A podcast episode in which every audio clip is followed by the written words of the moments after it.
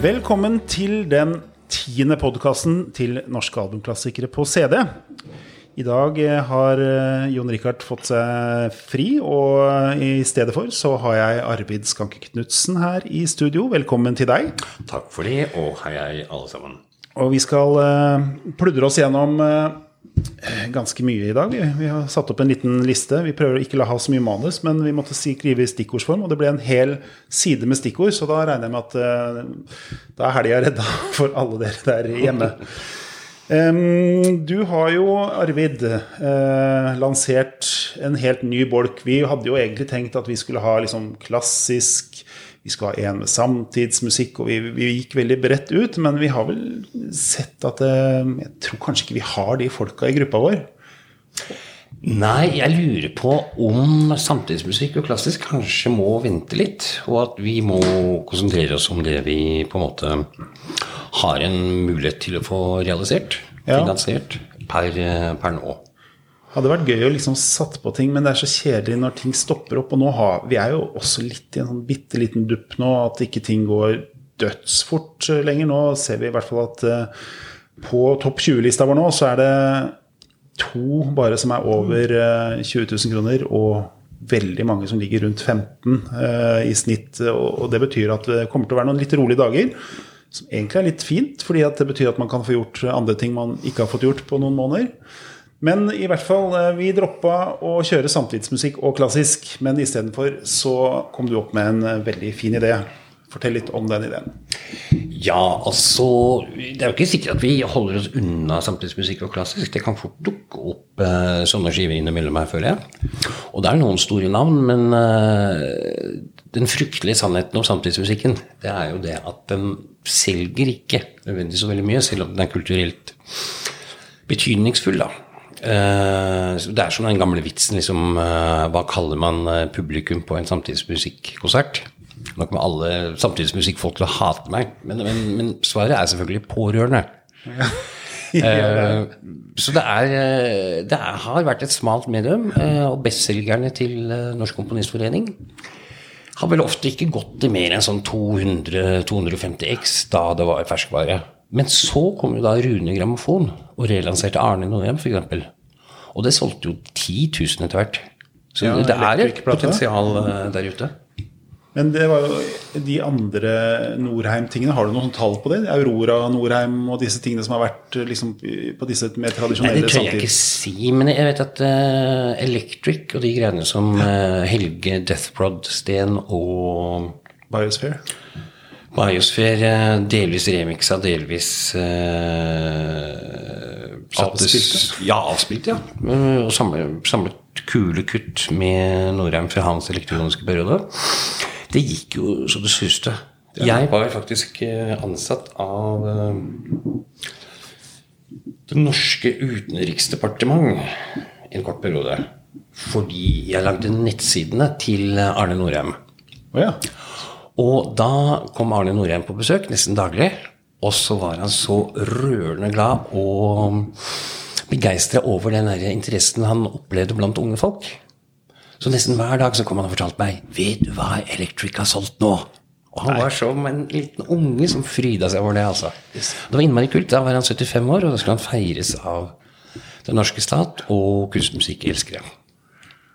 Og det han må jo si at han er en av de som uh, man uh, eller jeg likte vel egentlig ikke Arne Norheim. Jeg visste nesten ikke hva det var. Jeg har hørt litt her og der, men før Rune Grammofon dro det ut igjen. Mm. Men etter det har jeg brukt mye tid på det. Og det er jo det som ble ansett som plingplong og sånt på 80-tallet, og folk lo av Jeg husker til og med moren og faren min. det var sånn der, De lo når de hørte musikk av Arne Norheim. Så jeg trodde det var liksom humormusikk ja, da jeg var liten. Men uh, det er jo ikke så umulig musikk mye av dette her? Nei, og særlig ikke i dag. Liksom, når, altså Folk som liker håper å si, left field-musikk, da. Alt fra FX Twin til ja. eksperimentelle greier av i dag. De vil ha masse å hente hos Arne Norheim. Og han er jo ikke helt aleine heller. Det er jo masse andre kule samtidskomponister fra 60-70-tallet som også lager eksperimentell musikk, som både er morsom å høre på utfordrende og på å si viktig som sånne kulturelle milepæler som av og til også kom, kommenterer samtiden. Om det er liksom eh, norsk politikk, eh, om det er eh, Melodi Grand Prix, eller om det er Vietnamkrigen. Nei, det var i hvert fall uh, Nå snakker vi veldig varmt om en sjanger som vi nå har dytta inn sammen med klassisk, og jeg skal gjøre mindre her på norske albumklassikere. Men ok. Men når du sier alt dette her eh, sånn, så kjenner jeg at kanskje vi skal lage 13 grupper. Vi må finne en ny farge. Nei, vi kan se. Men nå har vi i hvert fall dytta klassisk og samtidsmusikk på én og samme gren foreløpig. Mm. og så kommer det sikkert noe der etter hvert. Men du har Vet jo hvert hvem som fall er nå sorry at jeg avbryter, men vet du hvem som er den mest spilte komponisten i Norge? Mest fremførte komponisten i Norge? Jeg vet at det er eh, Geir Sundstøl som tjener mest på Gramo, i hvert fall. Nå tenker jeg på den klassiske, oh, ja, klassiske komponister. Det, det hørtes ut som det må være Grieg. Men eh, du tenker på nålevende eller altså, men av de som er nålevende for eh, la oss si eh, eh, 20-25 år siden, så var det faktisk Antonio Bibalo. Oi. Han er ikke så kjent som det Norheim er for folk flest. Men han skrev en del operaer og operetter og den type dramastykker for musikk, da. Oh, ja.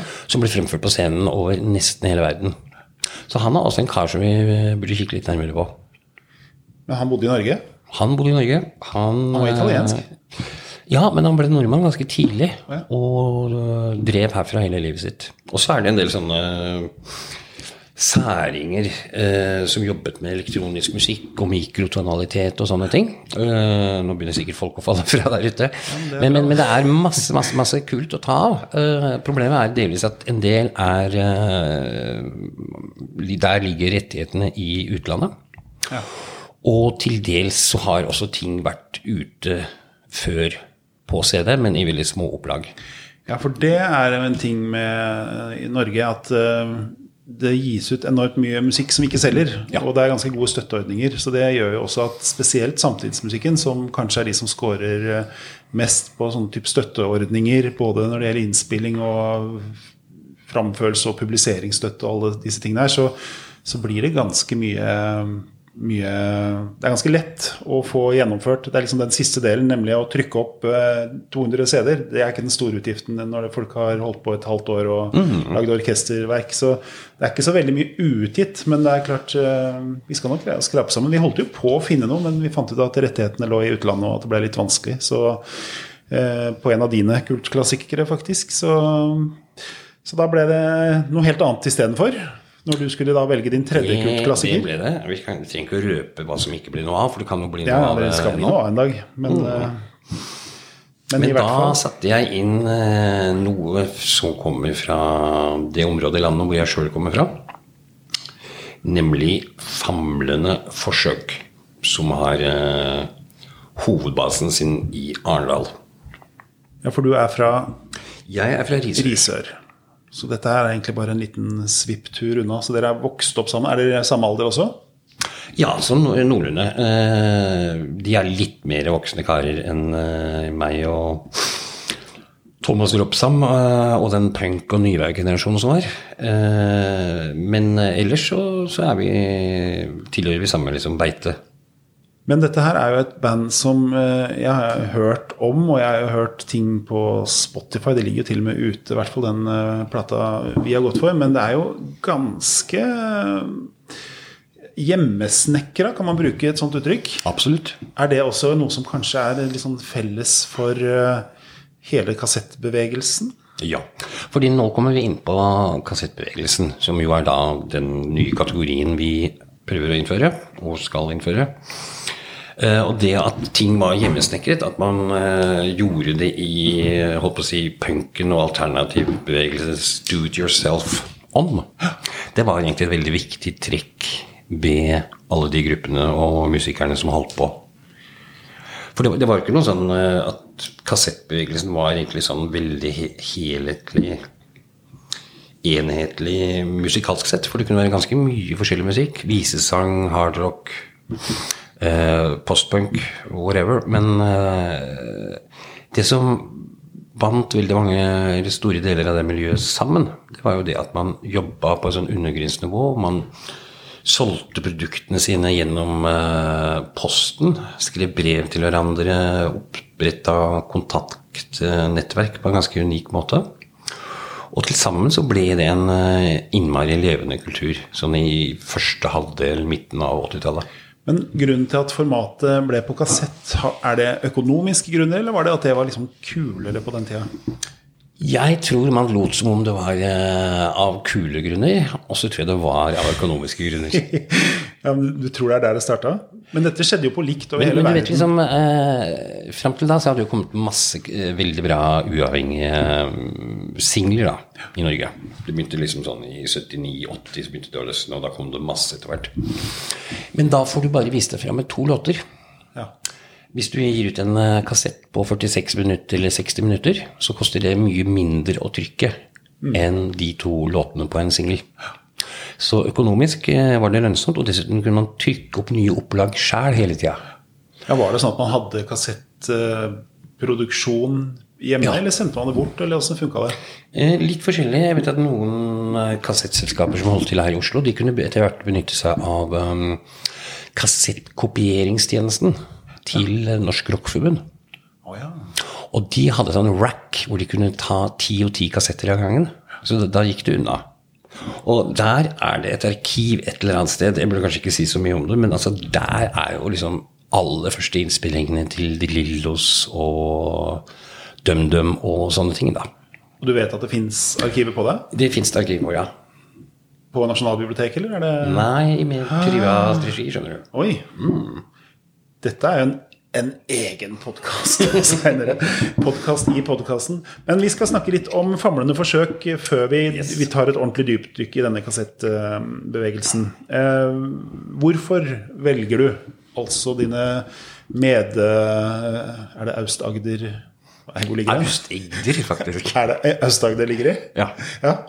Eh, Hvorfor velger du de? Du kunne valgt alt i hele verden. Du kunne valgt Arne Norheim, men du gikk altså for famlende forsøk, som ga ut plata En overraskende måte hvorpå man kan kaste en person over ende, fra 1984. Ja, hva er grunnen til det? Jo, grunnen til det er for det første at jeg liker den musikken eh, veldig godt sjøl. Det er litt sånn egospalte dette her, så jeg kan få lov til å velge hva jeg sjøl liker. Eh, jeg syns det er eh, spennende. Jeg syns det er eh, eksperimentelt, men ikke bare eksperimentelt for å være eksperimentelt. Det er på en måte ferdig i formen. De har funnet fram alt på den første kassetten. Så har de liksom funnet en identitet og en måte å jobbe på som musikere som jeg liker veldig godt. Eh, Du har liksom tekstene til eh, Bert, eller Robert. Han har jo helt sånn utrolig sånn sakralt, surrealistisk eh, univers med masse eh, Hvor han blander alt fra det fullstendig vulgære til det høylitterære og nesten bibelske. Og ofte også trekker inn uh, andre forfattere, sånn som Lovecraft og hans Cthulhu-mytologi. Eh, på den første skiva her, som vi er i ferd med å finansiere, så er det jo et eget gutt som heter. Eh, men i hvert fall, altså, de var et eksempel på folk som De var litt eldre enn oss, så de, var nok litt sånn gamle frikere, på en måte. Og de tilhørte den der alternative tradisjonen hvor man gjorde ting sjøl. Altså om, om det var å gi ut tegneseriehefter eller uh, Sharap-Siri. Oh, yeah, Siri, altså. Nå sa du et eller annet Siri-lignende, og da er hun der med en gang. Siri er klin gæren. Men vi lar det, lar det være med, for vi har bestemt oss at vi skal aldri klippe i podkastene våre. Litt opp. Ja. Eh, men i hvert fall så tilhørte de en sånn eh, generasjon med gjør det sjæl-tankegang. og jeg må si at jeg beundrer det bandet, jeg beundrer de folka. Den dag i dag så holder de fremdeles på med samme greia. De spiller i konserter.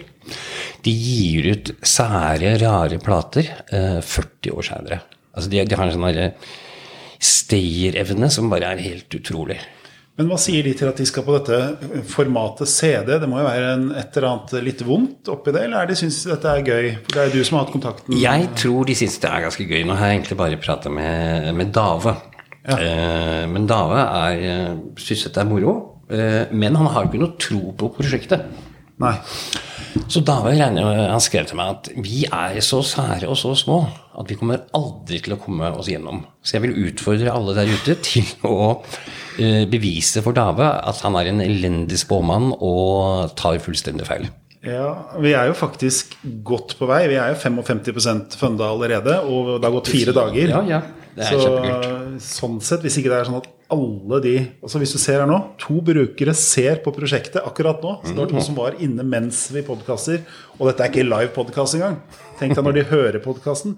Men det er jo et tegn på at uh, det er et marked der, og eh, vi har jo liksom en del odds imot oss. For folk flest har jo lyst til å høre på musikk, og that's it. Og så har du da kanskje noe sånt som 7% da, som kjøper fysisk musikk av Norges befolkning. Og av de så er kanskje litt over halvparten kjøper vinyl, eller kanskje likt, har jeg hørt rykte om.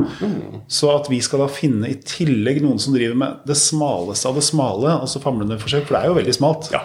Det er jo ikke til å komme fra at eh, når du lanserte Boastein, så tenkte jeg det var stein. Eh, Nei, det var stein, det var smalt, men det gikk jo kjempefort. Og de er jo en av de som har solgt mest i ettertid. Og så hadde du jo Per Bergersen, som eksploderte i rekordfart. Det visste vi også at eh, der var det et marked. Men famlende forsøk, det er vel kanskje den eh, mest knirkete av de tre til nå.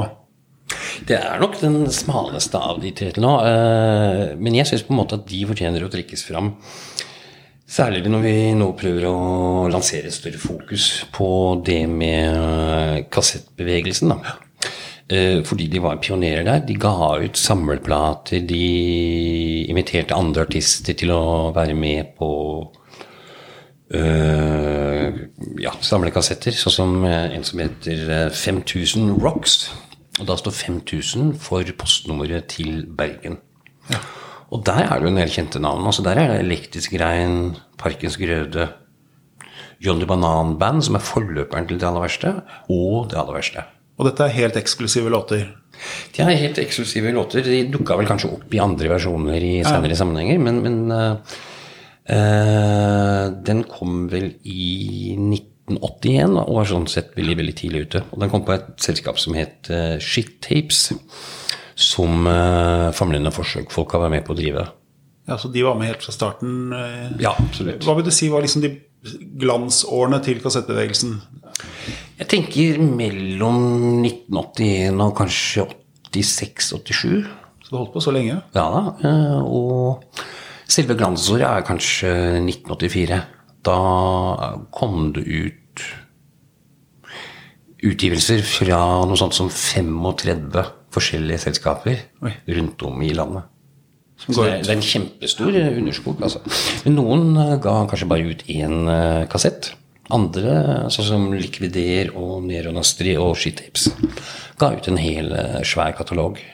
Er det de som er de store? Knallsyndikatet? Er ikke de Knallsyndikatet i Trondheim, ja. De hadde også flere utgivelser. Og der finner du jo liksom røttene til Angor Watt og Israel Elvis, og for så vidt også kanskje det samme miljøet som Motorpsycho springer ut fra. Så alt henger på en måte sammen med alt her. Men hva vil du si var grunnen til at det stoppa opp? Er det CD-ens inntog som kom? At det plutselig så slapp de å bruke 20 000 kroner på å trykke opp småopplag på vinyl, så var det plutselig nede i 7000-9000 på CD? Eller er det andre ting som gjorde at det stoppa? For det stoppa jo ganske over hele verden på likt, gjorde det ikke det? Ja, omtrent. Men altså, det var ganske sånn stort internasjonalt. Altså, du hadde noe som het uh, Roar. eh, Som ga ut eh, kassetter med virkelig store undergrunnsartister.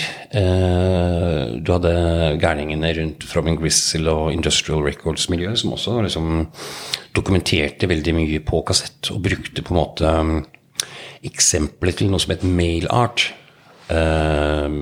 som forretningsmodellen, hvis man kan kalle det det. Ja. Altså du, du, noen sender en blank tape til deg, du fyller det opp med musikken, og vedkommende betaler portoen. Altså det, det, mye av det var på det nivået der, altså. Det er jo litt på det dugnadsnivået vi snakker litt her i gruppa. Jeg også. føler at norske albumklassikere er litt tilbake til den tida. Bare på et nytt format. Vi er liksom eh, kassettbevegelsen på CD. Men eh, Famlende forsøk, ja, de ga ut mange ting. Hvorfor valgte du akkurat denne plata? Er det, Det er fordi at det er debuten deres, øh, og på en måte kanskje et av de første eksemplene på, på den type musikk som blir gitt ut her hjemme. Men det er klart, de var ikke helt aleine. Altså, det var jo eksperimentelle ting som kom ut som med tja, alt fra Holy Toy og fra Lippo Lippi og Helge Gårders greier. Så det, det var en god del på vinyl også. Men kassettbevegelsen og kassettformatet ga masse artister muligheten til å eksperimentere. Få gitt ut ting som kanskje ellers ikke hadde kommet seg gjennom nåløyet. Uh, og dette er en tid liksom hvor platebransjen i Norge sikkert gjerne vil, men de ser ikke noe kommersielt potensial. Altså Selv såpass store undergrunnsband som Garden of the Light, slit, som gir ut to fantastisk bra sengler, sliter med å få platekontrakt. Og må til slutt gjøre ting eh, selv. Og det er jo også Før alle Det var ikke så mange egne smålabler på den tida. Stort sett så var det enten måtte man gjøre det sjøl, eller så var det på store major-selskaper. Det var jo selvfølgelig en del eh, mindre labler også, men nå er det jo flere labler enn det er omtrent artister, for alle sitter jo på et eget et sjøl. Men i 1984 så var det jo ikke, det var ganske unikt å gi ut uh, plate sjøl i 1984. Ja, det var en del som gjorde det, og særlig da på, med singler uh, i kjølvannet av punkbølgen og sånt. Var det for å få en kontrakt? At liksom det var en sånn Nei, det var mer for å uh, dokumentere seg, tror jeg. Det var liksom lysten til å ha en egen skive i uh, samlinga. Men jeg ser veldig mye av de artistene når vi går gjennom nå, så er det veldig mange av de artistene vi, vi finner en god plate som vi har lyst til å gi ut, og så går vi og sjekker katalogen, så er det alltid én singel eller to i forkant som er gitt ut på et eget eller bitte lite selskap, og så kommer det et litt større til å snappe dem opp. Er det sånn at tror du satt, det satt folk i, på 80-tallet og, og det sånn som nå, hvor folk legger ut på strømming, ja. også hvis det strømmer bra, da, da blir de signa et eller annet uh, større selskap? Jeg tror det var en annen tid, altså. Men, men eh, altså, en av de store store plateklassikerne i Norge, det er jo Junifer Green. Deres 'Friendship'. Eh, det regnes jo som liksom Ja, ikke noe sånn Jeg skal ikke kalle det en sånn hellig gral, for den er for kjent til det, liksom. Men, men den er uh, Det regnes som en av de virkelig store utgivelsene fra 70-tallet. Og der, hvis jeg ikke husker feil, så var det jo sånn at uh, Arne Bendiksen uh, sa vel til bandet at ok dere kan få gi ut en dobbeltskive hvis dere vil, men da må dere betale skive to sjøl. Så noe av de samme spillereglene gjaldt den gangen også, altså. Man, man fikk ikke eh, nødvendigvis ting og platekontrakter kastet etter seg. Nei, det var vel eh, det som Jeg vet ikke om du har sett det Zappa-klippet, hvor han eh, snakker om musikk nå og da, eller i hvert fall da og enda tidligere hvor han mente at grunnen til at det ble gitt ut så mye bra musikk i gamle dager, var fordi at det satt folk og ikke hadde peiling på musikk, ja. som bare fikk ting på bordet. og Det var nesten sånn bingo-lotto at eh, jøss, yes, kul bart, vi gir ut de. Eh, sånn er det ikke lenger. Nå... Det, det, det, går jo helt tilbake til sånn 20-tallet og 30-tallet og steinkaker. Altså, det fins utrolig mye bra bluesmusikk fra statene som er tatt opp. Og det var fordi at man tenkte ja ja, vi, vi gir ut, så er det sikkert et publikum der ute. Altså Man tenkte ikke på å bygge stjerner, tenkte ikke på millionoverskudd, men man tenkte at man kunne holde en sånn liten familiebedrift gående ved å gi ut litt uh, plater med sørstatsmusikere. Uh, men sånn som Shit Tapes da, og, og Famlende forsøk, var det et forsøk på å tjene penger, tror du? Var var det liksom noe sånt som lå i bånn der? De, jo, de, tenkte jo stort, selv om det var i en knirkete sjanger, for de ga ut mye musikk og eh, jobba jo voldsomt for å få dette her distribuert eh, rundt omkring. Og det var ikke bare i Norge heller, var ikke det litt sånn samarbeid internasjonalt også i kassettbevegelsen? Jo, men jeg tror liksom at potensialet for å tjene penger, det var nok ganske lite hele veien. Men jeg spilte jo et band sammen med Tom Stropsam etter hvert mitt andre band, og det het White Lord Jesus. Og vi, vi solgte jo 2000 X da, ja. av den uh, første kassetten vår. Ja. Som jo jeg syns i, i, dag så er det strålende tall, og selv ja, den gangen var det ganske bra. Men det var likevel ikke nok til å gjøre oss attraktive for plateselskapene. Og du må huske på det at storselgeren blant uh, nyvevplater i Norge, det er Depress. Og selv de stopper ved 10 000. Ja. Men jeg tenker på sånn eh, undergrunnen da, på 80-tallet. Hvis du tenker undergrunnen i dag og de siste 20 årene etter eh, Bylarm, Øya det, har skjedd så mye mm. som gjør at undergrunnen har på en måte grobunn på en helt annen måte enn vil jeg tro på 80-tallet. Hva, hva, gjorde undergrunnen? Liksom, var det, det var ikke noen festivaler de kunne spille på. Famlende forsøk spilte de på festivaler.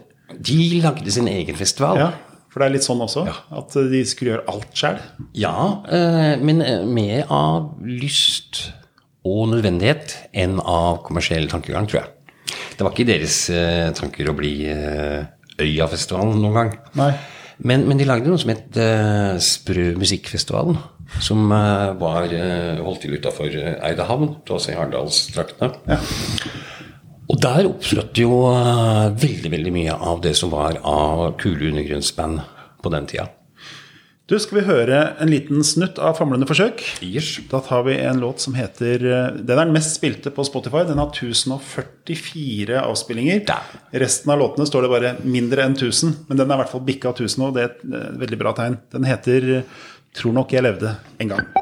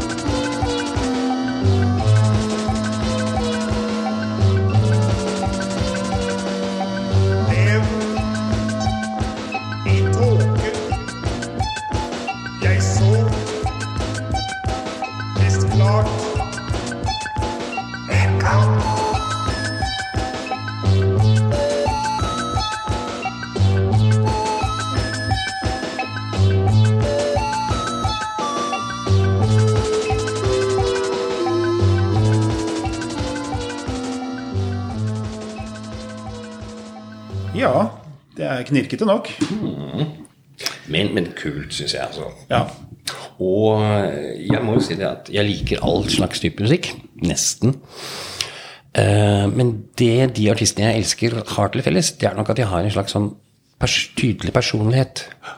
At de driver ikke liksom og eh, lager musikk bare for å være populær, eller eh, bare fordi at en stilart er in, eller noe sånt. Men, men at de, man har en følelse av at de mener noe med det de gjør.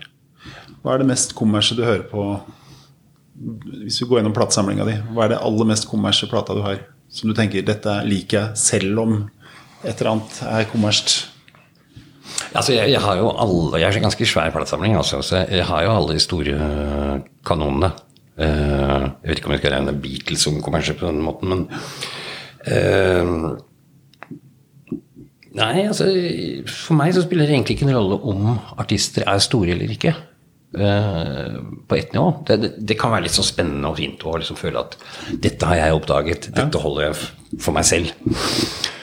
Uh, samtidig som man har lyst til at andre skal oppdage hvor bra det er også.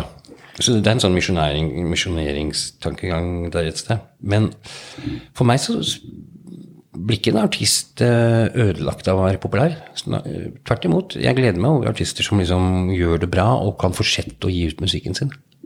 Det er jo det jeg ønsker at de skal gjøre. Jeg kjenner den misjonstanken. Jeg har stått i platebutikk, og du har jo veldig lyst til å være tidlig på et eller annet og vite at eh, å ja, den, ja, de så jeg i fjor. Ikke sant? Det er jo, vi er ganske klassiske, eh, alle som har jobba med musikk lenge. Men, men så er det noen som vil helst at ting skal forbli i undergrunnen, og helst ikke ønske at ting skal bli for stort. For det ofte, jeg sier ikke alltid, men ofte så mister jo ting eh, noe på veien eh, i kampen for å bli stor eller størst. Ja.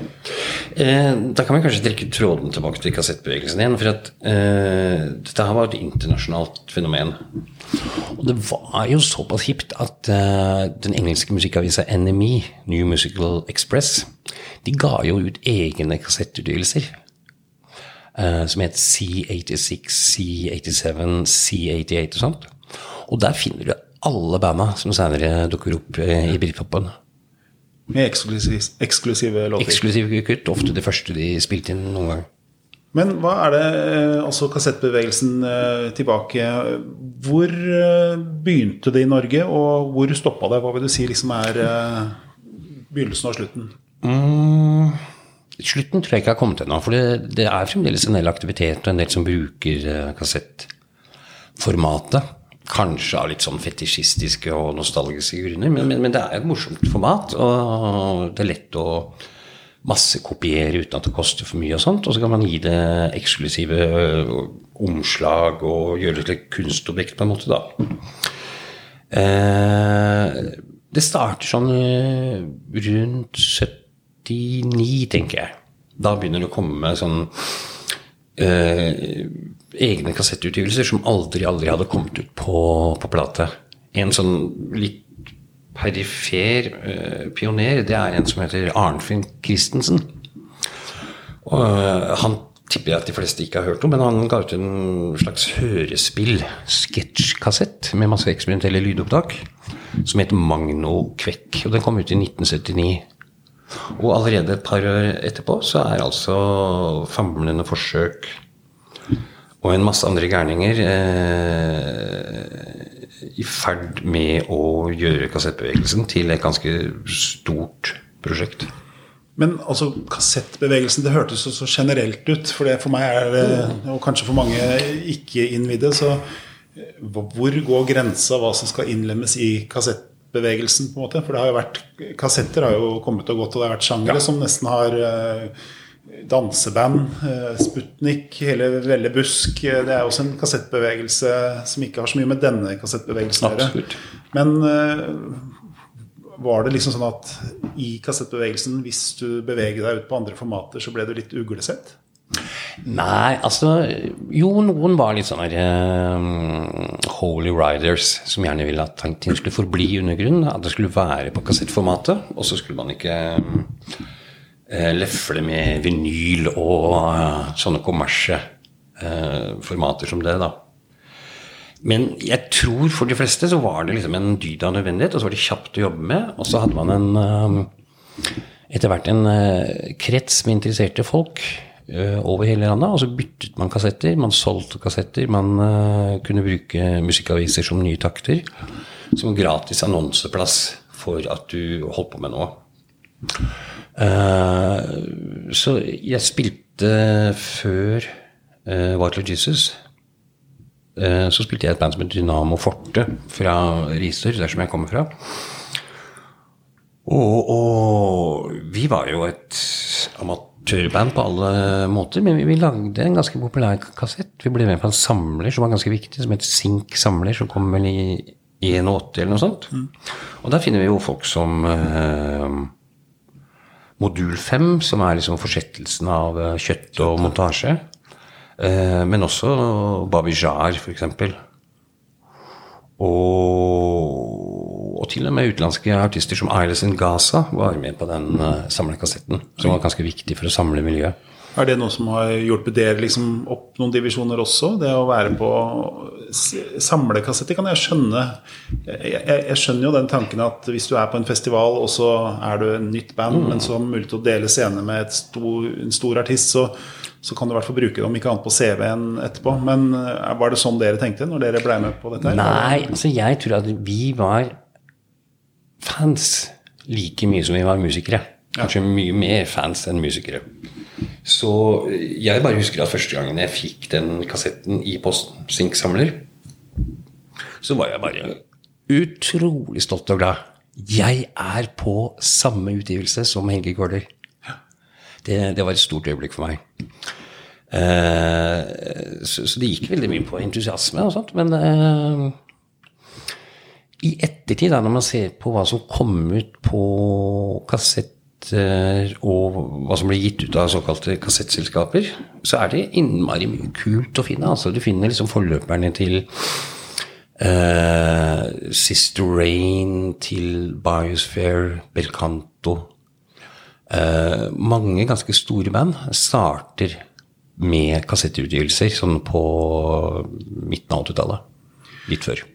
Men jeg tenker på jungeren, musikalske jungelen på 80-tallet var jo ganske Enten så var det pop, og så var det et eller annet i undergrunnen. Nå har jo på en måte undergrunnen uh, dukket opp i absolutt alt. Det er jo liksom ikke noe som er for sært lenger. Jeg tenker på sånne ting som Boastein, som sikkert i 1977, når eh, jeg har min egen luke kom, så det, folk må jo tro at det har klikka for dem, liksom. Og når du sitter og hører på det nå, så er det egentlig bare ganske god Ja. eh, god popmusikk. Eller litt skeivt og skranglete er det fortsatt, men det er jo fortsatt ikke noe sånn, det er ikke noe sånn at du sitter og tenker Hva er dette for noe?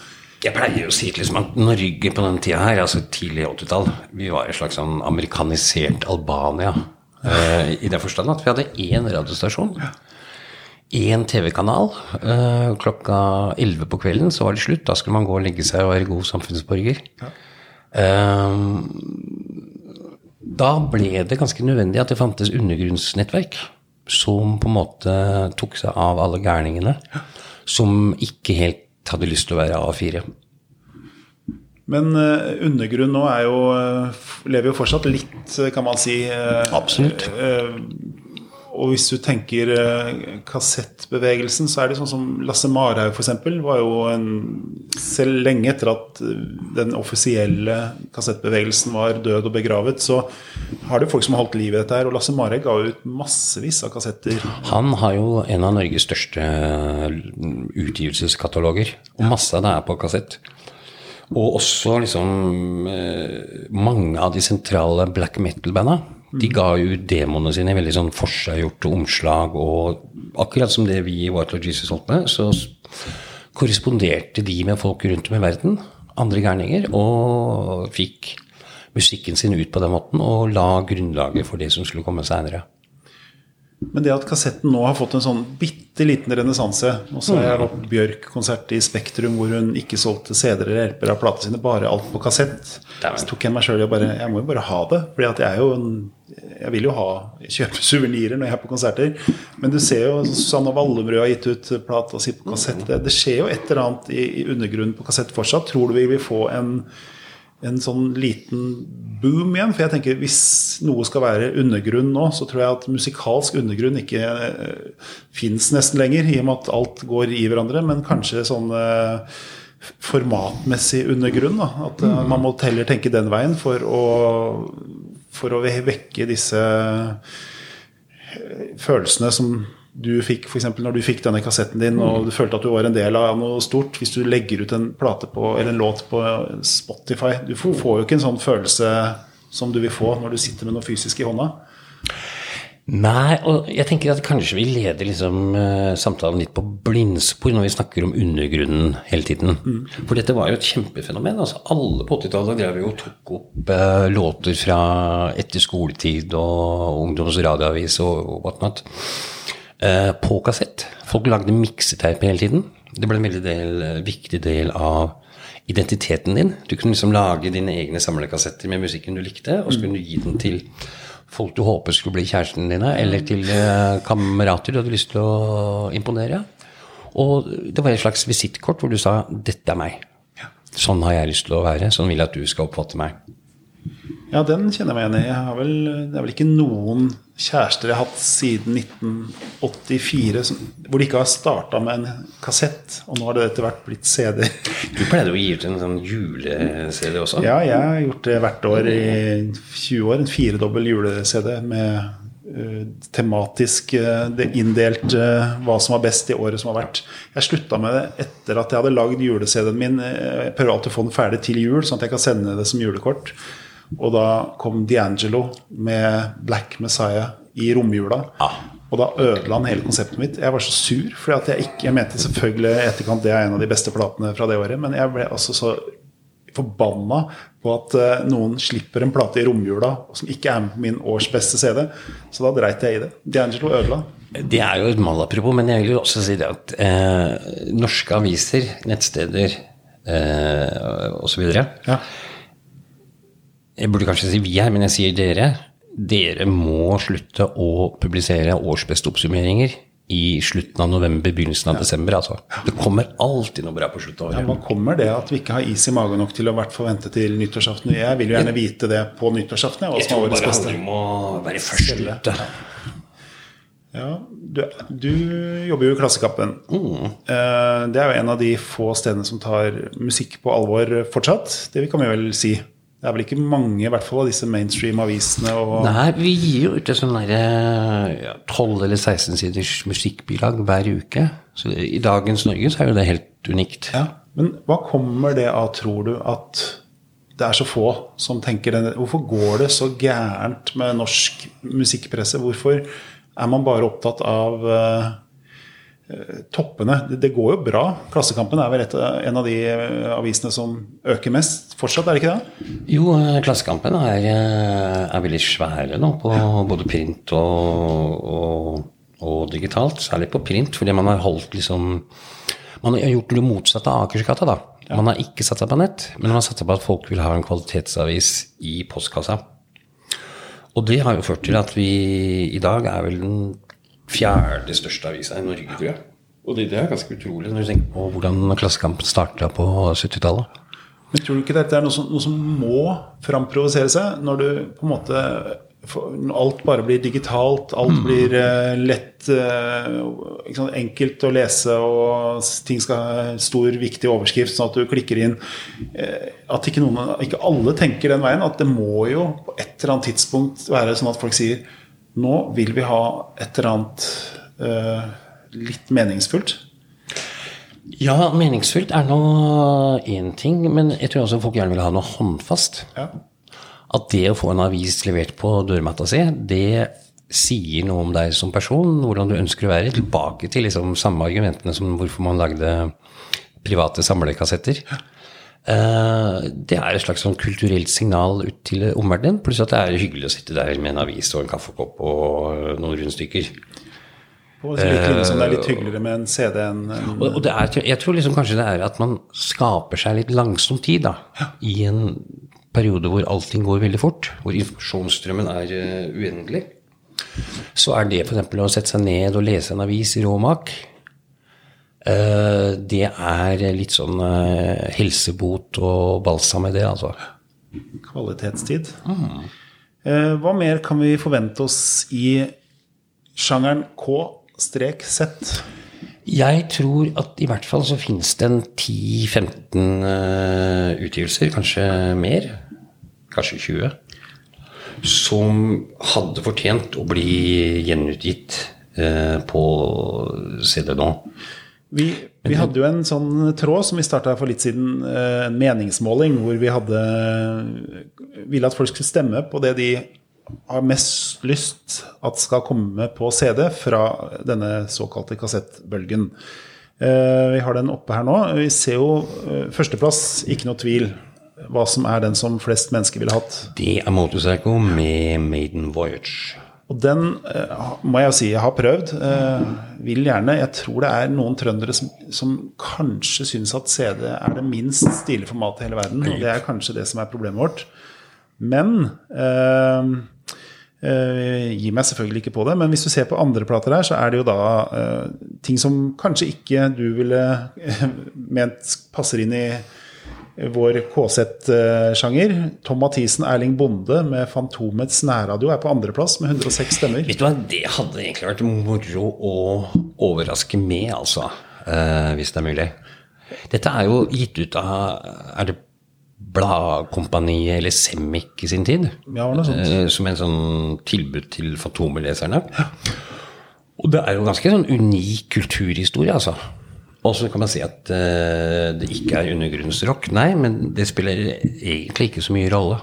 Men vår KZ på en måte er det Skal vi ta hensyn til eh, Skal vi liksom legge oss på 1984-nivå eh, og tenke liksom at det skal være den bølgen, eller skal vi ha, være litt, ha vi litt slack? lytter gjerne til folk der ute, de som hører på podkasten nå. Mm. Tar gjerne imot forslag. Men jeg tenker jo at hovedvekten kanskje vil ligge på den litt sånn alternative rocken og alternative musikken. Eh, Den som Jon Rikard er så glad i. Ja. Eh, Men um, Men samtidig så kan det være hva som helst som tilhører eh, kassettbevegelsen sånn historisk. da. Eksempel Knut Buen. Han har gitt ut flere kassetter enn noen andre i Norge. Eh, med fantastiske folkemusikkopptak fra tilbake til 2030-tallet, altså. Ja. Uh, Så, Ja, så så det det, er mye å ta mener du kunne fint gått inn i vårt eh, kassettunivers? Ikke nødvendigvis fint, men altså, det kunne vært moro å se på mulighetene, altså.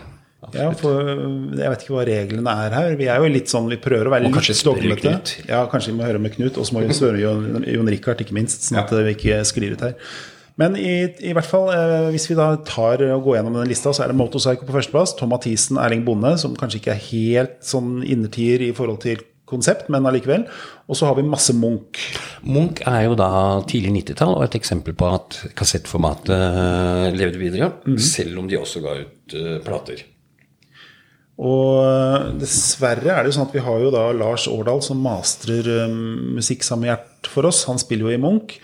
Vet at det skal skje noe på Munch-fronten som eh, vi ikke verken trenger å snakke så mye om ennå, Men det betyr i hvert fall at de utelukkes eh, i vår serie inntil videre. Vi kan vel si så mye som at eh, Munch-fans kan nok glede seg. De kan det. Så ikke bruk opp alle pengene dere, eh, deres på oss. For det, hvis dere er glad i Munch, så skjer det ting.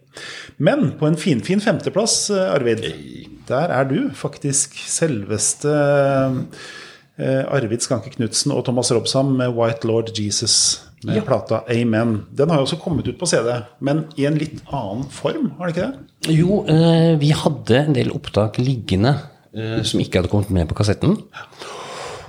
Og i tillegg så gikk eh, Thomas inn og fiklet med litt av opptakene. Så Aman, eller Amen, i sin originale form har aldri vært utgitt, eller gjenutgitt. Nei. Er det sånn som eh, kanskje vi skal tenke på om ikke så lenge, da? Ja, det kommer litt an på hva du betaler, sant, eller, Ja, vi må jo finne ut av det. Fader, jeg veit at du er så hard på sånne forhandlinger. Men det kan vi jo se på. Men det vi i hvert fall tenker, er at hvis famlende forsøk går inn, eh, og det håper vi selvfølgelig han gjør, og at uh, Dave eller Dave tar eh, aldri så feil, så håper vi selvfølgelig at uh, det er noe vi kan kanskje ha som en sånn fast én Ja. rosa kassett eh, som til enhver tid crowdfundes. Det hadde vært innmari flott. Og da, da mener jeg at vi gjør noe sånn musikkhistorisk viktig av oss, altså. Men, men det viktigste er musikken. Og igjen, altså det trenger ikke bare være sær undergrunn. Det er visesang. altså Første skiva til Steinar Albrigtsen. Det kommer på likvider og bare på kassett. Så det ligger en del sånne Pål Flåta, Steven Ackles ja kom det også en del kassetter. Eh, vi ser også videre her Elektriske kjøkken. Eh, Det er jo samme bandet som André Lister også var med i. Og han var jo en sånn viktig undergrunnsartist i eh, Trondheim. Så har vi Famlende på sjøk på Yep. syvendeplass. Den eh, har vi jo i gang. Håper den går. Eh, så er det noen som snakker om Postens sommerkassetter. Er det, tenker du, det har noe her å gjøre? Jeg tenker at de som inneholder eksklusivt materiale, f.eks. noe av det Tramteatret gjorde, det er jo kjempestoff, altså. Ja, for de er jo også på topp ti med Naken greve nager Nager. Nager jeger, man skal si det sånn, ellers så får vi jo, får vi kjeft. Nager jeger med øks. Og så har vi Ymstammen ligger høyt oppe. Angor Watt, Brød og sirkus, Im Nebel. Det er jo mye mm, mange ting her som uh... Im Nebel ble jo til uh, Colors Turned Red, som mange sikkert har hørt om. Og Brød og sirkus var vel uh, Det var også Robsam. Ja. Er det det som ble Theo, eller starten på Nei, men uh, Theo, som igjen da er forløperen til det langt mer kjente Clawfinger, de var jo også på De ga både ut en kassett sjøl, og så ga de ut en kassett hos Nero Nasti, som var selskapet til uh, min gode venn Thomas Robsam. Ja. Ja, Vi får godsnakke litt med Thomas òg, da. Kanskje. Det er kanskje ikke, men det er, jeg føler liksom at det er litt kortere vei til beslutninger i kassettverden. At uh, du sendte vel en melding på Facebook til uh, en der, og så fikk du sånn to minutter på OK. Det er ikke noe sånt med å gå lange møter og runder med folk. Nei, uh, dette her er velsignet. Altså, altså, som sagt, famlende forsøk. De jobber etter samme idealene 40 år seinere.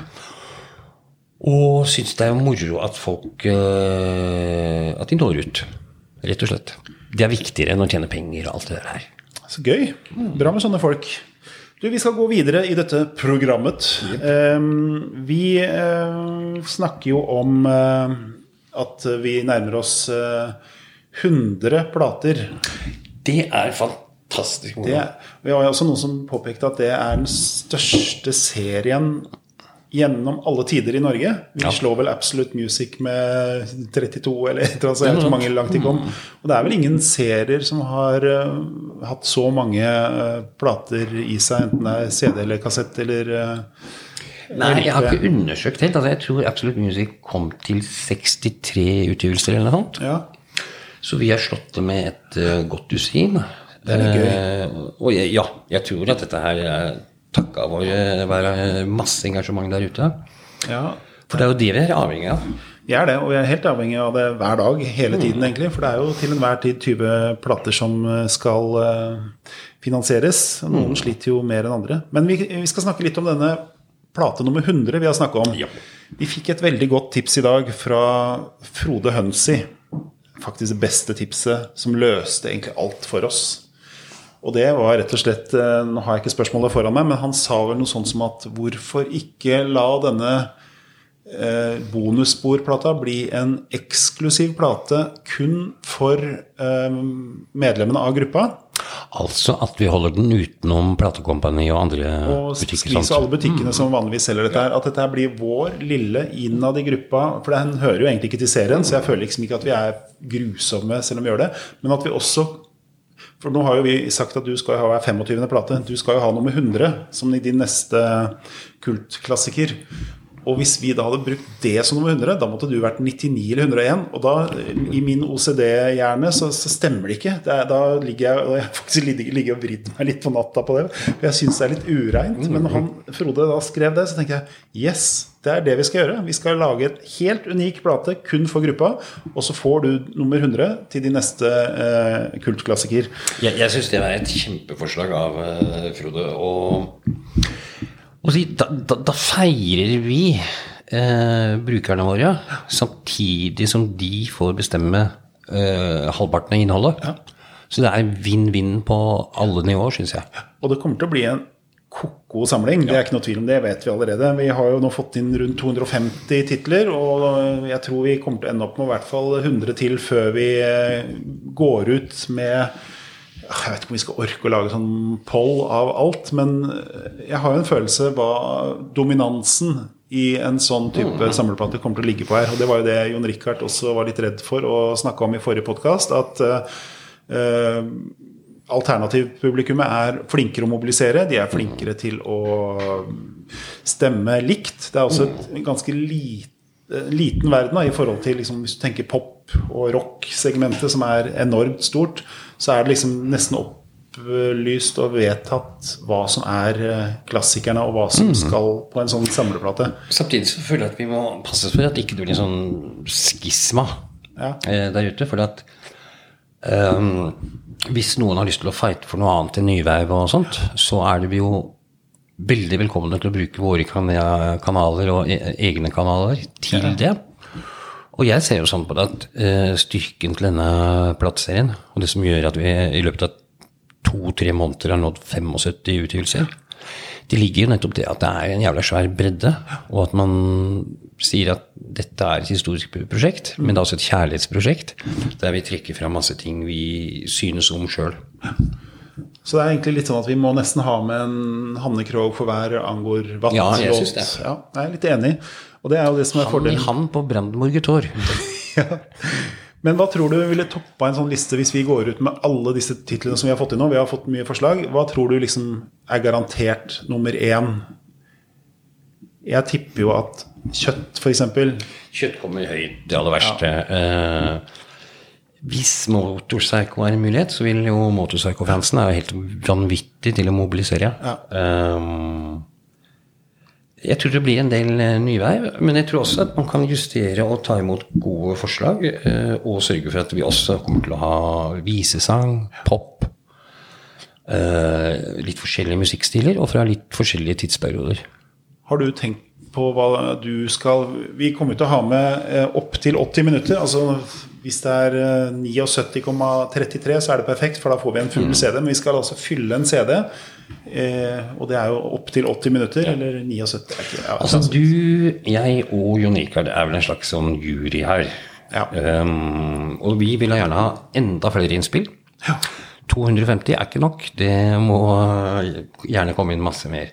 Og det vi merker, er at det er veldig få som snakker om de siste 20-30 årene. Det har liksom stoppa Ja. Gruppa vår er Det ser vi både på alder og alt mulig sånt. Det er jo, det er jo på vår alder, på en måte. Vi er jo et sted mellom 50 og 60. Det er jo liksom snittet i gruppa vår. Men vi må ikke glemme at det har kommet mye flott musikk også på 20-tallet. Eh, og i verste fall så får vi et nei hvis vi spør, men eh, det er lov å velge også nyere årgang, selvfølgelig. Så vi håper jo selvfølgelig at eh, denne plata her skal være liksom fra 1957 til 2021 hadde vært eh, gøyest. Men vi ser jo at det er jo Altså, du og jeg, vi lagde jo en plate i forbindelse med at uh, NOPA, var det ikke det? Jo.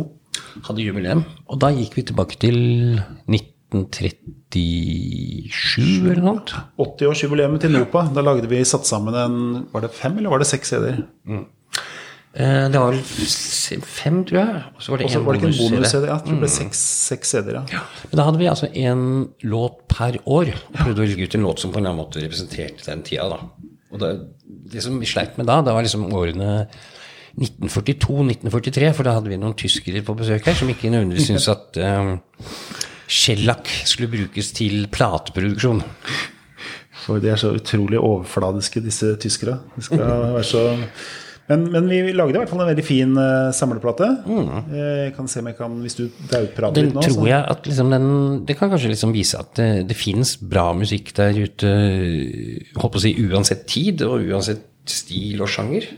Eh, Så jeg håper at den er i nummer 100 nå kommer til å få den bredden, samtidig som vi bør prøve å skape en sånn helhet, da, sånn at den går an å lytte på i et jafs. Du var veldig eh, ivrig på i hvert fall de første Jeg kan ikke så mye om musikk før eh, 1960, det må jeg bare si. Så du kom med veldig mye gøy, morsomme forslag eh, på de første årene. Med alt ifra eh, Lalla Karlsen og Gerd Otto og Rolf Larsen og Just og alt mulig. Men eh, er det noe fra den plata du tenker kunne vært eh, helt innertier?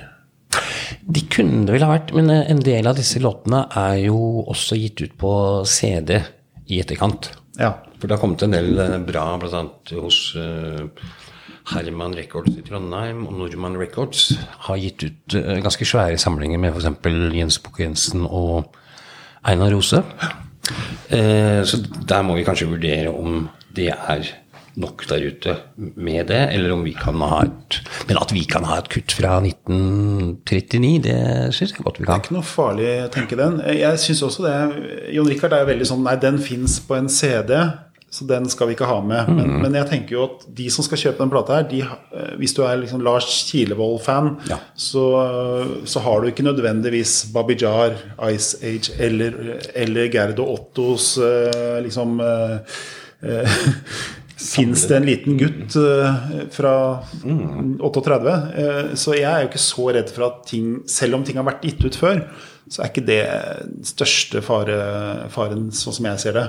Nei, og så tror jeg også at kanskje vi skal skille mellom låter som finnes på vanlig utgitte album, Ja. altså normale album, kontra hva som kan dukke opp på samleskiver.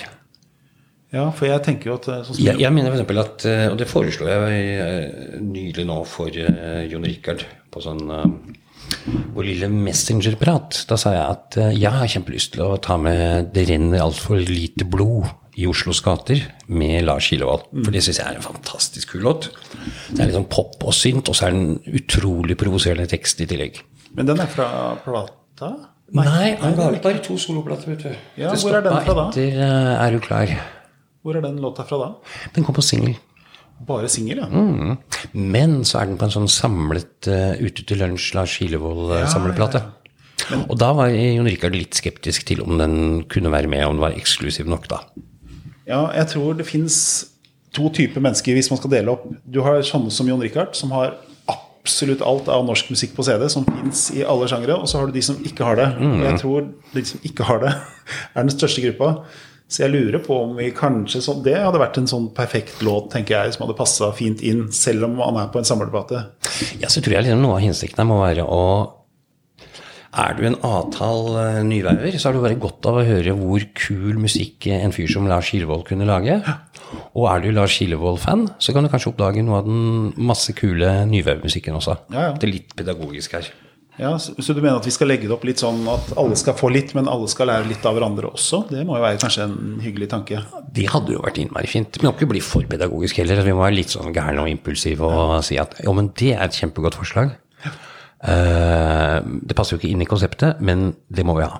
Ja, for det, det er sånn jeg liker. Jeg liker at uh, vi, vi, Det som er fint med oss med CD, er at det går an å skippe. Eller så ripper rundt på CD-en selger maskinen din, og så spiller du de låtene du vil. For det er jo sikkert ingen som kommer til å like alt.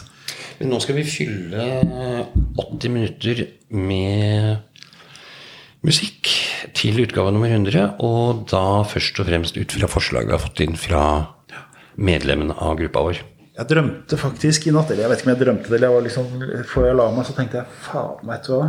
Det som hadde kunne vært et, et godt konsept, jeg vet ikke om det Nå er det for seint, for nå har vi gått bredt ut. Men at vi plukker bonusspor fra de første 100 platene. Ja. Det, for, du Prucell har én låt som ikke er med på plata. Du har sånn som Lars Kilevold, da, som har og Hvis vi hadde holdt oss til de første 100 artistene, så hadde det vært en ganske sånn ren Men, men nei. Det er Jeg syns jo det er en ganske god idé, men Ja, det er og med ikke, idé. det er vel ikke alle som hadde hatt bonusspor heller. Nei, og det som er dumt med det, er at da må vi liksom kun kunne gi ut musikk med de platene vi har gitt ut. Så det er veldig mye singler og ting som dør ut. Jeg, jeg bare likte selve konseptuelt, syns jeg det var en ganske god idé. Og så Men en ting som på en måte For det første så finnes det masse bra uh, musikk der ute. Uh, og noe av det som skjedde med punken og nyveiven, var jo at det kom ut masse uavhengige singler. Og flust av band som liksom ga ut én halvgenial, eller i hvert fall eh, kultinteressant eh, låt. Og det er så mye flott hvis vi kan få tak i det. For det er også et spørsmål om et ganske svært puslespill med rettigheter, som ikke jeg misunner deg og Jon Rikard hele veien. Ja, det, jeg misunner ikke meg det heller. Men jeg tror at vi har jo stort sett Folk vet jo stort sett hva det er for noe. Hvis vi snakker med folk i musikkverdenen nå, så har folk fått med seg prosjektet her. Og foreløpig har det i hvert fall ikke vært noen som har vært negativ. Jo, én som var negativ til det. Eh, manageren til a-ha. Han syntes det var for mye. Fy faen, hvor kult er dette når det blir så mange plater? Men eh, ellers så har jeg liksom bare fått eh, positive ting fra alt og alle. Eh, og da er det jo veldig Er den originale, unnskyld, er den originale B-sida til norskeutgaven av Take On Me, er den utgitt på album? Det vil jeg tippe er på den der eh, Hunting High and Low super deluxe bonus. Ja, samme samleplate, For. Der, der lå jo til med videoen hvor Eller låta hvor eh, Jeg tror Morten Harket sitter og driter mens han eh, synger eller han nynner. Og det er liksom det er nok. Men der er nok alt med. Mm. Men eh, nei, det skal være ganske dekka av ha-katalogen. Altså, men det er klart, det fins jo gode bonusspor. Og, og igjen, hvem er det som har kjøpt den der super deluxe-utgaven av Hunting High Low? Det er jo ikke mer enn noen hundre mennesker. Og det er ikke primært a-ha-fans som skal ha en sånn boks, men jeg tror kanskje det er et sånt band som er vanskelig uansett. Vi kan se. Vi kan jo Noe, noe jeg føler kanskje er litt sånn underkommunisert her, er at de som kjøper de første 150 skivene, ja. de gjør en utrolig viktig innsats for hele prosjektet. For prosjektet lever videre etter det også. Du kan kjøpe skivene etter at de er finansiert. Ja, ja. Og da dukker det plutselig opp helt nye muligheter for platene og for artistene ved at folk i Japan, USA, Tyskland kommer inn og kjøper skiver. Det merker jeg veldig på enkelte plater. Og nå har vi vært Kanskje vi har vært litt for flinke på enkelte sjangere og litt mindre flinke på andre sjangere. Men jeg merker at eh, det er veldig lett å legge på lava-relaterte plater. Fordi A, de går gjennom, selv om det av og til tar litt tid. Men B, jeg selger mer til utlandet enn jeg selger til Norge. Nå er jeg, altså Hver eneste morgen Jeg vet ikke åssen det er med tiden og klokka og sånt, men i Japan så har de i hvert fall en greie at når jeg våkner, så da er de veldig på hugget. Og de er så opptatt av alt som bare det er liksom Har Rolf Graff spilt bass på noe, eller er det noe som er produsert av Svein Dag Haughild? Er det noe som ligner på Lava?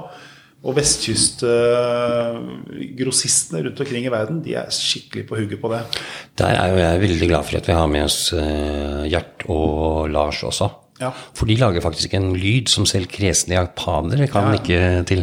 Vi hørte nå på PS, som vi også måtte rippe fra LP, som låter ekstremt bra. Og det er sånn jeg gleder meg til å få tilbakemeldinger fra utlendinger på dette. Fordi eh, det er jo litt av, litt av poenget da, med akkurat de platene her, at det bør låte bra, ellers så er jo halve moroa borte. Men det er liksom, vi har, merker veldig utlandet er ekstremt opptatt av lava. Og de er ekstremt opptatt av prog. Ja. Der er det folk som bestiller liksom fra Japan 20 Terje Vigen med Octopus. Vi vet ikke hva det er for noe, men det er sikkert bra. Det er norsk prog på norsk. Og Prucell, 30 stykker solgte til samme grossist. Det er, liksom, det er ganske sprøtt å se hvordan de finner oss. Jeg har ikke gjort noen ting for å oppsøke et eneste miljø rundt omkring i verden. Sammen med jazzfolk. Eh, sleit jo med å komme over streken med Paul Towson. Så fort Paul Towson gikk over streken, da satt det bare Da pepra det på med bestillinger. Det er innmari gøy. Og Det er ikke sånn enorme summer, men det, vi snakker sånn at det, det er det som gjør at dette prosjektet går eh, rundt. da. For Vi merker jo at enkelte plater som har slitt eh, lenge nok med å komme seg inn og over streken, de stopper. Og da sitter jeg med 500 plater og 150 solgte og, og tenker ja, ja, jeg har i hvert fall plass foreløpig. I matkroken må utvide. Jeg har jo lageret mitt på matkroken på Jabru i kjelleren. Men eh, jeg merker også at eh, eh, jeg håper ikke Jeg håper ikke ting står bom stille, for da må jeg begynne å Husker du i farta hva som er eh, som topp fem bestselgerne nå? Etter at de havner i butikk? Aller mest solgte plata til nå er Per Bergersen. Ja. Med sånn milevis foran nummer to, som er faktisk Backstreet Girls. Har gått forbi eh, Tom Mathisen, som er på tredjeplass nå. Det er vel også den rekkefølgen de solgte ut på, var det ikke det? Jo, jo. Det er de tre som har gått raskest, og de som har solgt best i ettertid. Nå har jo Tom Mathisen stoppa og merka at det er hvis det er en bestilling i uka på han, så blir det litt sånn Oi, kult, jeg har ikke glemt Tom. For det betyr også at det kommer nye mennesker inn i gruppa vår. Men jeg tror Saft faktisk er på fjerdeplass. Så bra. Og så tror jeg kanskje at Moose Loose, Elgen er løs, er på femte. De er jo bra bredde allerede der, altså. Og det, er, det sier jo litt da om mm. Vi snakker jo så små opplag her at uh, det blir jo aldri en sånn type uh, Absolute Music uh, 100 000 solgte. Vi snakker enten kanskje 350 eller 250, men vi ser veldig sånn forskjell på de uh, de liksom 100. Det er veldig stor det er, det er gjerne en sånn link inn, sånn som Anita Hegeland nå begynner å røre på seg. Hun er nok sikkert inne på en topp 10-15 allerede. Hun er jo en verdensstjerne. I hvert Altså, fall i hun har jo solgt eh, millioner eh, skiver. Jeg tror hun er en av de mest solgte artistene i Norge. Ja. Gjennom alle tider. Er det ikke det? Det har jeg også hørt, og jeg har hørt eh, tall som 10-12 millioner til sammen, altså. Vi snakker der så absurde tall. Jeg får litt sånn vondt når jeg ser når vi la ut plata, og så, så, så sliter den med å selge 150 CD-er. Ja. hun tenker sikkert bare sånn Hva er dette for noe sjukt drittopplegg, må hun ha tenkt. Men så gikk hun jo i mål. Men da har jeg sagt til henne at uh, det er nå først den begynner å få fart. For nå, vi merker jo det at utlendinger er ikke så veldig glad i bidra.no-sida vår. Og det skjønner jeg godt, for den er jo ikke veldig eh, lagt opp til uh, eh, ut, glede og utenlandsksalg. Men min hjemmeside er litt mer eh, oversiktlig. Så der, der kommer den da, hele tida. Jeg merker nå at det er eh, sikkert 20-25% bestillinger fra utlandet som kommer inn til meg. Du vet, sånn, eh, Anita Hegeland var jo kanskje vår største barnestjerne Ja. gjennom tidene også. Og, og det var jo ganske mange norske artister som gjorde det bra i Tyskland. Som på 60-tallet. Wenche Myhre, Kirsti Sparbo, Anita Hegeland som på starten av 70-tallet. Og med, egentlig med ganske lange karrierer. Lengre enn vi kanskje har oversikt over alle sammen. Ja, det er, og de er jo Fortsatt eh, var det vel to uker siden eller tre uker siden så var Anita Hegeland på forsiden av Der Bilt. Er ikke det Og det er litt sånn jeg tenker Det er Se og Hør, altså, i Tyskland. Eller er det ikke det? Jo da, Der Bild, er ikke det litt sånn sladremagasin? Så tenker jeg, Hvis de har Anita Hegeland på forsiden fordi hun var med i et eller annet sånn jeg vet ikke, Stjernekamp eller et eller annet sånt, men det var sånn Shit. Da, da har du gjort deg bemerka på et eller annet vis, da. Jeg kan ikke mye om uh, tysk sladrepresse, men jeg husker at jeg hadde et uh, kopi hengende på kontoret mitt. Eh, som var et utklipp av et sånt tysk Idol-magasin. For det var så fint bilde av eh, eh, vokalisten i, i Hadar. Det hadde akkurat slått gjennom. Og da sto det med kjempestore bokstaver. Morten Harket. Der superknyller av Norwegen. ja, det kan faktisk hende at det stemmer òg. På alle språk. Men eh, nei da, men vi merker i hvert fall at eh, de som har litt sånn internasjonalt schwung, og jazz, prog, lava-relatert, eh, har funka. Og en eller annen grunn også så er Ole Dole Ja. Jeg vet ikke hva han har gjort i utlandet, men han selger også til tyskere. Han har jo spilt på Wembley, og han har samarbeida med utenlandske musikere og sånt, så ja. Og så merker vi at eh, Casino Steel og Gary Holton selger mye til eh, svensker og amerikanere. Jep. Samme med som Backstreet Girls selger veldig mye til svensker. Jeg vet ikke, jeg trodde ikke de hadde vært utenfor Norge og spilt omtrent, ja, men eh, det har tydeligvis treffet godt. Jeg vil jo gjerne slå et slag for uh, uh, Claudia og Big Hand og Casino, som er en skive som uh, ja, beveger seg, men den beveger seg litt sakte nå. Ja, det er, Det, det er veldig synd, for at det er en knallbra og viktig country-rock-skive i Norge. Og da er det synd at ikke det store countrypublikum som finnes her hjemme, uh, helt oppdager det. Dette er en roots-skive som er ganske klassisk. Og kommer på det Norwegian, Americana Ja, Topp 25, Ja. tidenes beste americana-innspilling. Ja, akkurat den, den plata er veldig rart. Og jeg tror jeg har jo en, har en tanke om hvorfor, og det er jo det er ikke noe revolusjonerende genialt tenkt, men vi har jo ikke gjort veldig mye for å please countrypublikummet. Og vi merker at når vi pleaser et publikum Så, så nå har vi pleasa Bergen-publikummet ganske mye i det siste. Veldig stor økning fra Bergen, Ja, selv om da lokalavisa ikke skriver eh, om det. Eh, Vi har pleasa Lava-publikummet. Du ser jo at det har eksplodert med alt vi gjør som har med liksom, Vi har jo gitt ut sikkert ti plater av disse 75 som er, har en eller annen tilknytning til lava. Det, det, det merkes jo med en gang, og vi har jo vært veldig mm, Kanskje litt i overkant flinke på alternativ eh, ja, I hvert fall Nyveiven syns jeg vi har gjort en ganske grei jobb på. Og nå har vi også begynt å sette oss etter litt eh, hardere, mer hardcore og litt tyngre ting. Nå gikk jo stengte dører inn kjempefort. Det også overraska meg litt. Vanskelig å si hvordan det går. Altså, Foreløpig har det vært en supersuksess på alle måter. Uh, men jeg har jo egentlig en sånn drøm om at eh, NACD 273 skal være med Sigmund Groven, og NACD 274 kan være med Antonio Bivalo. Ja. Altså at vi når ut til et stort publikum som får høre om oss og får med seg hva vi holder på å gjøre. Jeg håper i hvert fall at eh, at de Jeg vet ikke om det fins noen spesielt gode countryblogger og sånt eh, rundt omkring heller. Så vi er jo veldig avhengig av gode ambassadører, da. Det har jeg vel sagt og skrevet før. Hører dere Wilhelmsens Ja. Men eh, hvis noen på en måte og Norsk Americana og Forum, selvfølgelig. Men hvis noen kjenner noen som kjenner noen, eller liksom kan få litt sånne maktpersoner innen musikk er et veldig grusomt uttrykk, men eh, det fins faktisk folk som kan si Sånn som Kjell Hillevegg var for klassisk, klassisk Ja, ja, ja. musikk. Når han sa dere må ha den innspillingen av Vivaldi, og så gikk 200 mennesker eller 500 mennesker ut i butikken og kjøpte den fordi han sa at du måtte ha den. Eh, Det fins sånne folk i alle sjangere eh, som dekker på en måte veldig mange områder. Jeg merker jo at eh, jeg har liksom mine Når jeg vet at du også, når du anmelder noe i Klassekampen, så vet jeg at det er ganske stor sjanse for at jeg liker det godt når du får gode anmeldelser. Sist du, hadde en sånn ordentlig anmeldelse som traff 100% var jo Odin Staveland. Ja. Som jeg syns er en av de beste norske platene i hele fjor. Super Litt left field, litt rar, Ja. med en fantastisk popskive. Ja, pop og jazz, og litt Ja. som du hører Prince ligge og vake baki der, men også litt sånn skranglete og litt sånn Beck, nesten sånn slacker-greie, og corny tekster. Og det er liksom. men, men jeg merker i hvert fall at eh, man har jo sine favorittanmeldere, og har jo liksom sine folk man hører på. Og jeg tror det at uh, hvis vi er litt flinke og prøver å pepre disse folka her med Og vi kan gjerne bestikke dem, og de kan få en plat eller to.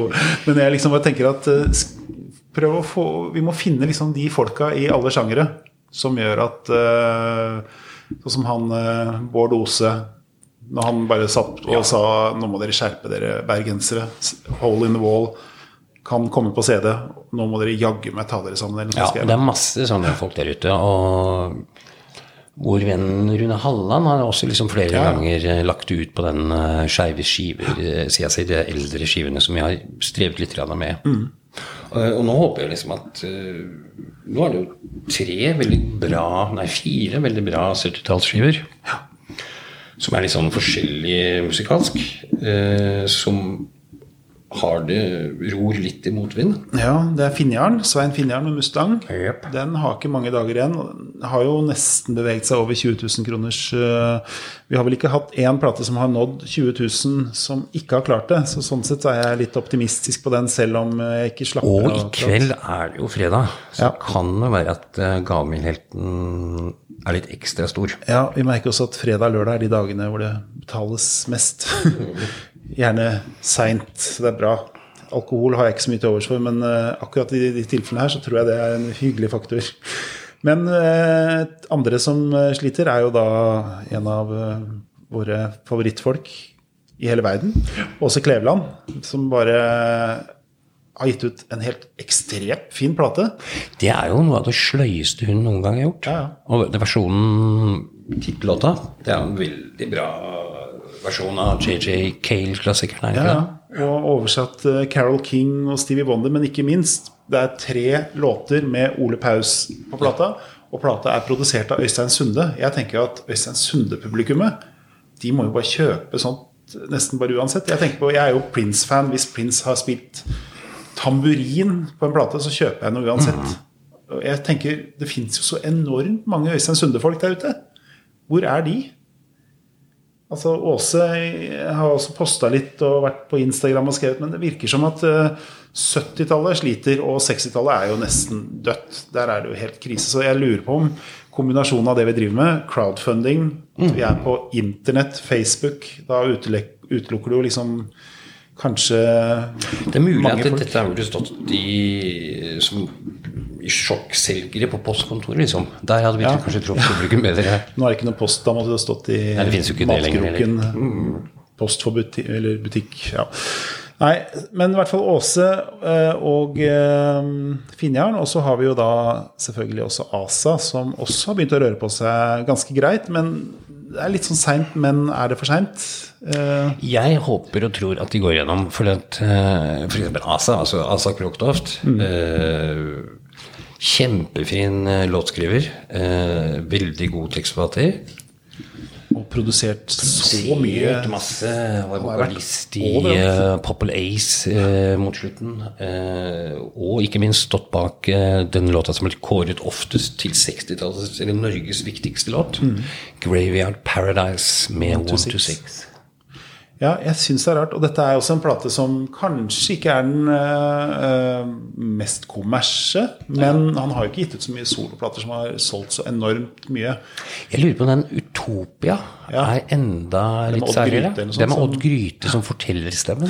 Så den skal jeg Men den har jeg lyst til å ta på. Men hvis vi skal kunne putte på det, så er vi i hvert fall avhengig av at Brocade eh, går inn. For eh, den bør gå inn, både fordi det er en jævlig bra skive. Det er faktisk en kjempebra Og så er det våre venner i Eolén.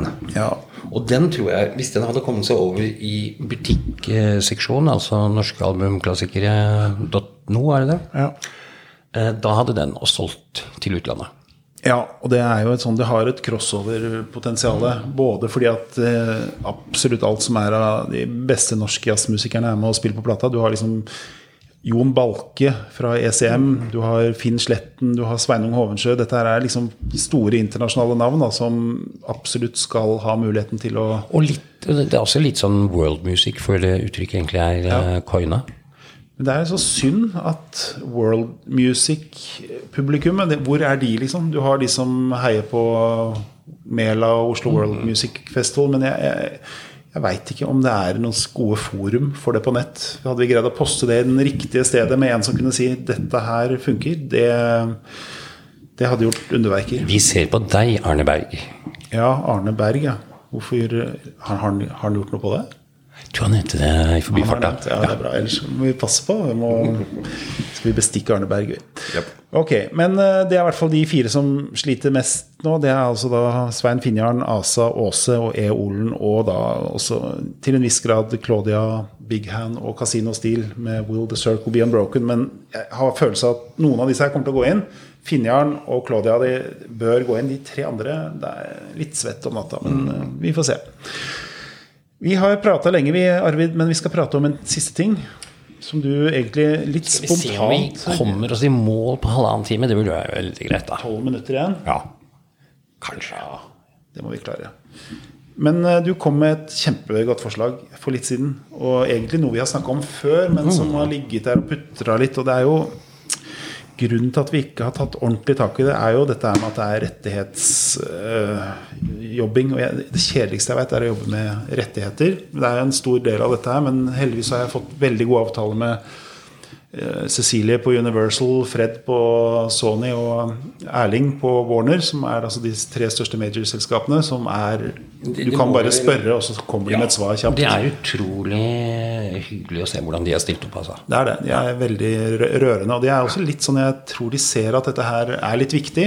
De tjener nok ikke noen voldsomme summer på dette her, og det har jo folk som jobber mye med for at vi skal kunne få få til disse platene, Men det jeg håper på, da, er at eh, dette her drypper på de også. At eh, det strømmes mer, og at det totalt Sånn som det er enkelte plater som eh, får en del oppmerksomhet pga. serien vår. Det som jeg drømmer litt om, altså i tillegg til at platene får nytt liv og kanskje når ut til et nytt publikum For det er jo ikke bare folk som har dem fra før er på vinyl, som kjøper dem. Nei. Det er nye mennesker som oppdager musikken nå.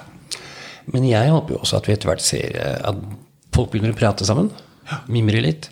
Kanskje spille en gjenforeningskonsert. Oh, ja, det vært gøy. Sånne ting. Det har vært veldig gøy. Ja, det må vi, vi må få til det. Jeg er også heldig at jeg er, arrangerer en del både festivaler og, og konserter. Så det, hvis ingen andre vil ha det, så kan vi kanskje sette opp noe i Nordstrand kirke etter hvert. Eh, jeg har, men jeg har også en festival på Nordstrand i Oslo. Det er jo et stykke å dra for mange av dere, men eh, det kan jo hende at vi kan eh, lage noe gøy ut av noe. For jeg vet at det er flere nå. Eh, skal ikke si noe navn, men eh, det er folk som kommer sammen. Eh, noen som har signert plater, og bandet samles for første gang på mange år. og så Kanskje en drar opp en gitar, og så Faen, jeg har en låt, jeg, gutta. Det er det gøyeste i verden hvis vi får til noe sånt. da Ja, Men tilbake til det, det du kom med, og forslaget ditt, som jeg syns er et utrolig bra forslag. Jeg bare veit at det blir veldig mye jobb, men det blir mye jobb på meg, men ikke minst på deg, for det er jo du som kommer til å skrive mye, og, og sånne type ting vi har snakka om, krever veldig mye skriftlig også. Men det er rett og slett å lage Ja, du kan jo si det selv. Ja, jeg har vel sagt til Christer et par ganger nå at jeg har kjempelyst til å lage bokser som er litt sånn sjanger- eller konseptbaserte. Og det ble ikke, lysten ble ikke noe mindre. Det så alle de gode forslagene folk hadde til låter i forbindelse med vår utgivelse nummer 100. Uh, og bare uh, det som liksom finnes i segmentet av uh, punk, nyverv, der er det hundrevis av låter som eh, fortjener å vurderes, i hvert fall i en sånn sammenheng. Og jeg elsker sånne svære historiske bokser, sånn som Sherry Red og Bear Family og sånt eh, gir ut. Og hvis vi hadde fått til noe lignende på norsk, på alle de gode singlene, EP-ene, bonussporene på forskjellige samleplater og sånne ting, så finnes der ute, så kunne vi lagd det Ja, jeg vil tro at vi kan lage noe av det mest komplette og mest kjærlighetsfylte av sånne utgivelser her hjemme. Men da snakker du liksom én boks for eh, med Grand Prix-låter? Ja, en, en boks med det beste fra Norsktoppen, en eh, boks med det beste fra Grand Prix, altså en boks med nyvær, en boks med prog eller hardrock. Eh, og så gjøre det skikkelig og få det finansiert og gjøre sånn at det kan bli stående som et slags sånn monument. da. Eh, Du vet at det blir mye skriving på det, for jeg regner med at hvis du først skal gjøre noe sånt, så må vi ha en sånn presentasjon, alle banda inni Jeg elsker å skrive. Ja. Det er ikke sånn at du tenker at det er så mye for jeg tror jo, for det første, hvis alle skal ha en del penger Det er jo en helt vanvittig stor sånn avregning. Vi må gjøre det enkelt, tenker jeg, hvis man skal gjøre noe sånt at eh, ok, dere får enten så mye penger for hele opplaget, så vi slipper å drive avregne månedlig, eller det er grusomme ting som kommer i etterkant av en sånn eh, plate. Det kommer jeg akkurat på nå at jeg ennå ikke har avregna Sara Skorgan for Teigen-boksen. Jeg må gjøre det når jeg får tid. Sara, du skal få penger snart. Men det er liksom sånne ting som det er bare Det er jævlig tidkrevende. Mye mas og mye jobb. Og, og, og, så er det jo det at du må ha rettigheter og veldig mye En ting er liksom hvis vi snakker uh, Norsktoppen og pop og sånt, så er det greit. Stort sett så er det på ryddige plateselskaper med ryddige kontrakter som har muligheten til å viderelisensiere låter til tredjeperson uten at du må spørre alle i bandet. Men hvis du skal liksom finne en sånn type Oi, vi vil ha med kjøtt, ja. Da må ja. faktisk vi snakke med Michael og Gjøran. og, og, så bare kjenner du at det, det, blir mye jobb for å få til små ting. Og så er det sånn at hvis du skal være med på en boks da, med la oss si 100 mm. sanger, ja. som kanskje selger 400-500 bokser, hvis du er heldig, da blir det så lite penger, og så skal da uh, lisenspenger, altså kanskje noen sånn 20-25 deles på 100 artister. Vi snakker som i et dustebeløp. Hvis vi sier at en uh, boks da kanskje kan gå i en 500 X eller noe sånt, ja. og man er nødt til å prate med en mellomstor norsk by for å få lov til å gi ut de enkelte låtene det det. Så det er nesten sånn perspektiv på det. Men altså, på den annen side, det hadde vært så jæklig gøy å få til, altså. Ja, det er, det er, faktisk Av alle ting jeg har lyst til å gjøre i livet mitt, så er det å lage sånne bokser dødshøyt på lista. Hvis jeg har bare visst at jeg ikke taper penger Norsk eh, freakbeat. Eh, norske sangerinner fra 60-tallet. Ja, eh, norske syngemenn fra 60-tallet. Altså masse kule konserter. Beste av norsk filmmusikk. Ja, filmmusikk er også flere som har eh, Men sånne bokser er jo Jeg vet ikke for å få lage det, sånn, litt sånn seriepreg. Da. For jeg liker jo at uh, som disse boksene vi har laget til nå, med alt fra Nå blir jo Cut-boksen kommer ut, så i samme serie som kanskje Sirkus Modern, Langsomt mot nord, at det er liksom en rød tråd i, i dette her. Men, men uh, jeg mener jo at uh, en sånn jobb liksom lage en slags kanon. da Og ikke noe verre enn at du kan lage en volum to og en volum tre av samme, hvis du tenker på For det er, ting, det er nok liksom. ting der ute. Ja. Eh, jeg har litt lyst til å spille ballen over til de som hører på. Jeg, sånn, eh, hva syns de om ideen? Kunne de tenkt seg sånne bokser? F.eks. samle uavhengige singler, samle det beste av eh, Norsktoppen og den type ting. Ønskekonserten, til og med, for den saks skyld. Ja. Eh, svær jobb der som det er veldig moro å kaste seg på, men eh, også mye jobb som må gjøres. Ja, og det er jo det å sette det sammen det er jo en kosejobben, liksom. Det er jo alt det andre som kommer i ettertid. Og det tenker jeg også på den Nå, vi jo, nå gjør vi en liten sånn forsøkskanin med bonussporplata vår. Mm. Eh, hvor vi egentlig Nå får vi masse plater og sanger bare kasta etter oss, og så skal vi da ta runden og se hva er mulig å få til, og hva er ikke mulig å få til. Mm. Men hvis det blir en enkel affære, hvis folk tenker det er kult å være med på en sånn, sånn plate, det er jo sånn jeg ville tenkt. Eh, om du tjener 170 kroner på den, jeg tror ikke det er det, det er ikke det som er grunnen til at artister Og så er det gjerne 170 kroner delt på fem bandmedlemmer, og han ene har ikke firma, så han må sende skattekort. Jeg ser bare for meg jævlig mye mas, men samtidig så tenker jeg at uh, hvis folk syns det er gøy mm. Hvis jeg hadde vært en artist der ute og tenkt hvor farlig er det å være med? Det vi faktisk gjør, er at vi remasterer det, så folk mm. får en sannsynligvis mye bedre versjon av, uh, av det de får uh, enn det de har hatt før av sangene sine. Så sånn sett så er jo det kanskje en belønning i seg sjøl. Vi får bare se hvor lista ligger for folk. Ja, så er det kanskje alle som, ikke alle som står for det de holdt på med for 30-40-50 år siden. Eller 10 år siden. Men eh, ja, det, er, det syns jeg folk skal, da. For at gjort er gjort, og spist er spist. Og noen der ute elsker deg for det. Ja, og det er det skumleste. Det er når artister sjøl begynner å bli eh, dommere over sin egen karriere. Ja. Jeg vet at er, eh, jeg har hatt en diskusjon noen ganger, og artister hater meg for det. men hvis man tenker sånn rent prinsipielt Hvis Pink Floyd ikke hadde vært på uh, EMI eller Harvest, eller hvis ikke på en måte det hadde vært et stort selskap på Dark Side of the Moon med Pink Floyd, og så topper det seg med Roger Waters og David Gilmore som hater hverandre så mye at de bare må si Vet du hva, jeg hater deg så jævlig mye at jeg nå Jeg orker ikke å leve med tanken på at vi skal ha en, et felles barn der ute som heter Dark Side of the Moon. Så nå velger jeg da å trekke den plata fra alle strømmetjenestene og skal aldri trykkes opp på nytt igjen. Hvis de hadde gjort det. Og det, det skjer jo. Spesielt i liksom mindre grupper som ikke har vært sammen. Og det er gjerne grunnen til at band oppløses.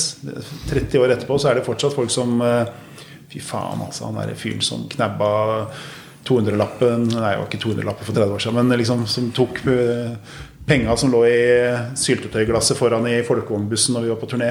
Det er liksom, Jeg skal faen meg aldri ha med den fyren å gjøre igjen. Og det er Sånne ting kan ikke på en måte fucke opp musikkhistorien. Det mener jeg er viktig. da Skal vi si at uh, Oppsummer med at uh, artister Give us some slack. da Dette er musikkhistorie. Dere må vedkjenne dere farskapet eller morskapet til deres eget barn.